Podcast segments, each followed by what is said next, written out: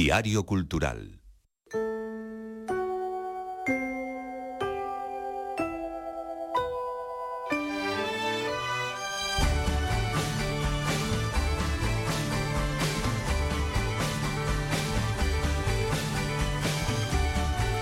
xa non lo di Subjan Stevens, eh, luns de Albacid no Diario Cultural, luns para falarmos de poesía, para escoitarmos poesía, dúas actividades para as que confiamos sempre no criterio e na sensibilidade de Alba. Moi bo día.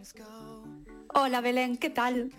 A ver, que nos traes un libro que me ten intrigada eh, titúlase Todos los pasos fan ruido, a súa autora chamase Sara Plaza, edita o Espiral Maior, e o mm, libro que gañou o 23º Premio Nacional de Poesía Xosé María Pérez Parallé, Ata aquí mmm, todo cadra, pero cando vexo a, o lugar de nacemento da autora, que é un lugar chamado Bustar Viejo, que fun buscar o Google, por suposto, resulta que está na Sierra de Guadarrama, aí empecé a preguntarme, Como é isto? Quen é Sara Plaza? Por que temos este libro que se chama Todos os pasos fan ruido dunha autora que naceu en Madrid?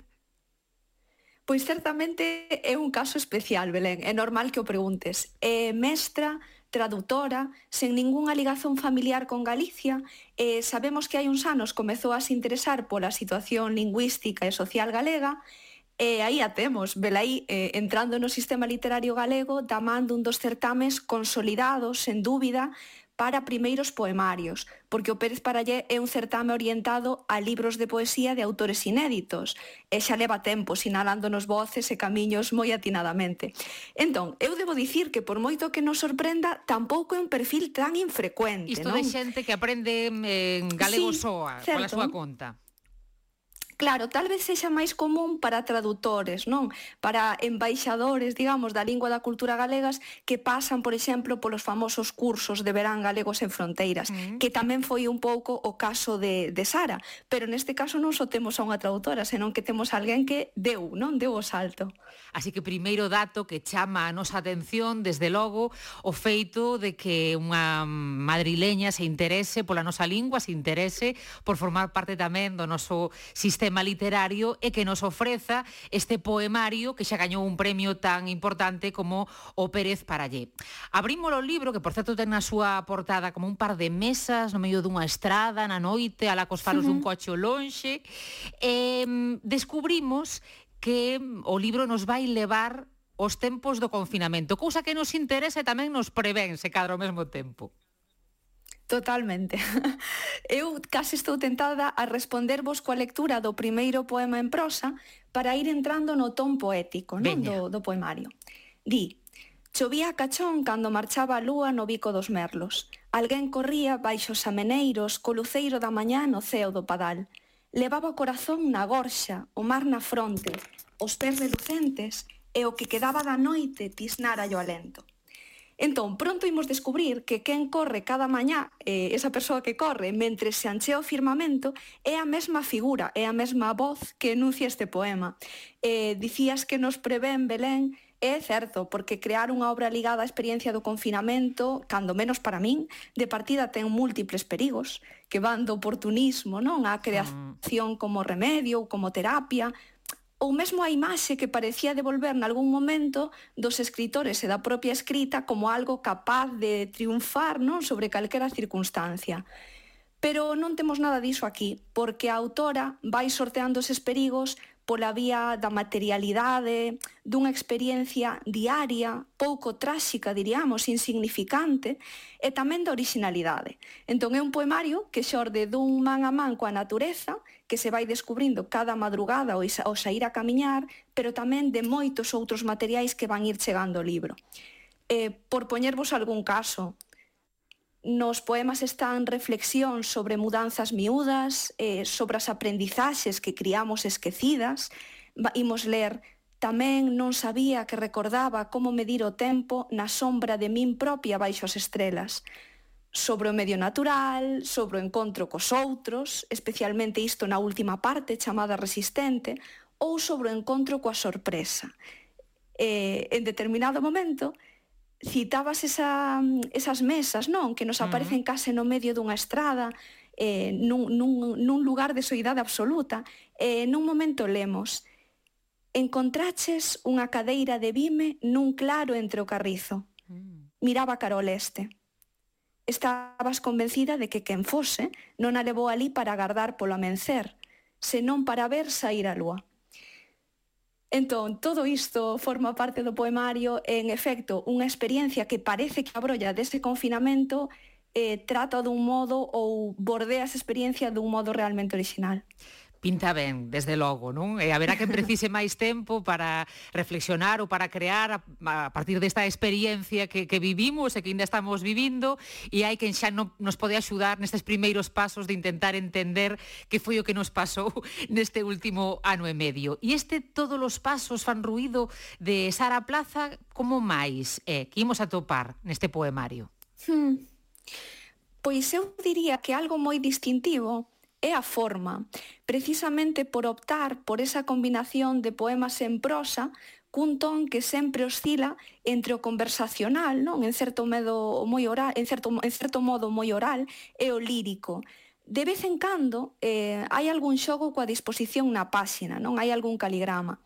Eh, en segundo lugar, o campo de suxestións que as notiñas a pé de páxina, unhas epígrafes que hai a pé de páxina, van abrindo. Son epígrafes moi diversas. Entón, mm, para poñer algún exemplo, eh, non me referiría o aquí, só a sorpresa deses materiais, non? Porque as epígrafes son, por exemplo, as ordes ministeriais que ían punteando o noso espazo de liberdade ou de posibilidades. Sí, sí. Eh, de súpeto atopamos un titular de F sobre o roubo dun cadro de Van Gogh nun museo holandés que estaba pechado no confinamento ou por exemplo, o texto dun cartel eh, dun campo de voo radio controlado. Eh, non só iso, non só é a diversidade dos materiais, senón como eses epígrafes eh, cal é a rendibilidade poética que teñen, como van dialogando cos poemas en prosa que están por riba e ese exercicio de resignificación que se vai abrindo. Entón, sutilmente, neste diario, non diario, eh, neste poemario, van coándose a pé de páxina esas ordes do doga, van coándose as lecturas ou os filmes do momento, están aquí os, os errantes de Tocarchuk, está Eloi Enciso, está Álvaro Cunqueiro, Novoneira, mesmo o modelo das zapatillas deportivas, non? Cos que intuimos que esa voz que, que fala ao longo do poemario sae seguramente de madrugada a camiñar ou correr. E esas zapatillas deportivas, non sei se polo modelo podes distinguir se son para pasear, para correr ou para fuxir. Claro, eh, son as Vaporfly de Nike. Ui! entón, de alguna maneira, tamén é un poemario, diría eu, sobre o paseo, que foi un tema mm, que estivo bastante de moda, cando menos dendo o punto de vista dos ensaios que ian chegando ás librarías nos últimos anos, pero é un poemario sobre o paseo sobre a fuxida. Eh, penso que é un interesante exercicio lelo como un diario sobre o feito de camiñar. Isto é algo ademais que a voz poética non desminte, porque crea un xogo de espellos o, o dicir Nalgún intre tiven a tentación de comezar un diario con esas saídas clandestinas que cava, mencer, etc. Non? sobre as sorpresas pequenas que vai convocando ese feito de camiñar, non? De golpe igual que a cadeira da que falamos antes, eh, aparece na escuridade a sorpresa non dun terreo anteriormente baldío e de golpe sucado para a sementeira das patacas. Eh, tamén é, o como dicías e como ías adiantando Belén, un poemario sobre a fuxida, porque esa clandestinidade vai modulando moi ben o alento da voz poética e o avance do poemario. Eh, sempre se está fuxindo das luces, non? Fuxindo das luces dos coches. Eh, el Leovos, por exemplo. Atopei algunha camelia e tamén me rabuñei nas mans, cos toxos e as silveiras ao botar o corpo a terra antes de que me alcanzasen os focos. Ás veces tamén atraveso a ironía, non? Atraveso o recoñecemento da febleza e, e de golpe podemos ver hoxe espertei con tulipáns. Tiven que brincar por riba dun balo de chantos cando vin a chegarse os faros dun coche e fun caer nun diminuto xardín. Entón, está todo isto, están as descubertas, está o encontro non cos outros, están leiras alleas, están as mazaduras nas canelas, das que leva a conta esa, esa voz que vai percorrendo, que vai correndo polo poemario. En suma, eu diría que é un libro capaz de sorprendernos, non? É un libro, un libro cheo de pequenos prodixios e tamén de anotacións, non? De todo aquilo que acompaña a experiencia duns meses un libro polo que nos guiou Albacid, escrito por Sara Plaza, unha autora madrileña, nada en Bustar Viejo, na Serra de Guadarrama, e da que se publica en Espiral Maior todos os pasos fan ruido que gañou o 23º premio Xosé María Pérez Parallé. Alba, aquí te esperamos dentro de 15 días con, con outro libro entre os dentes. Feito, comezade ben o brau. Igual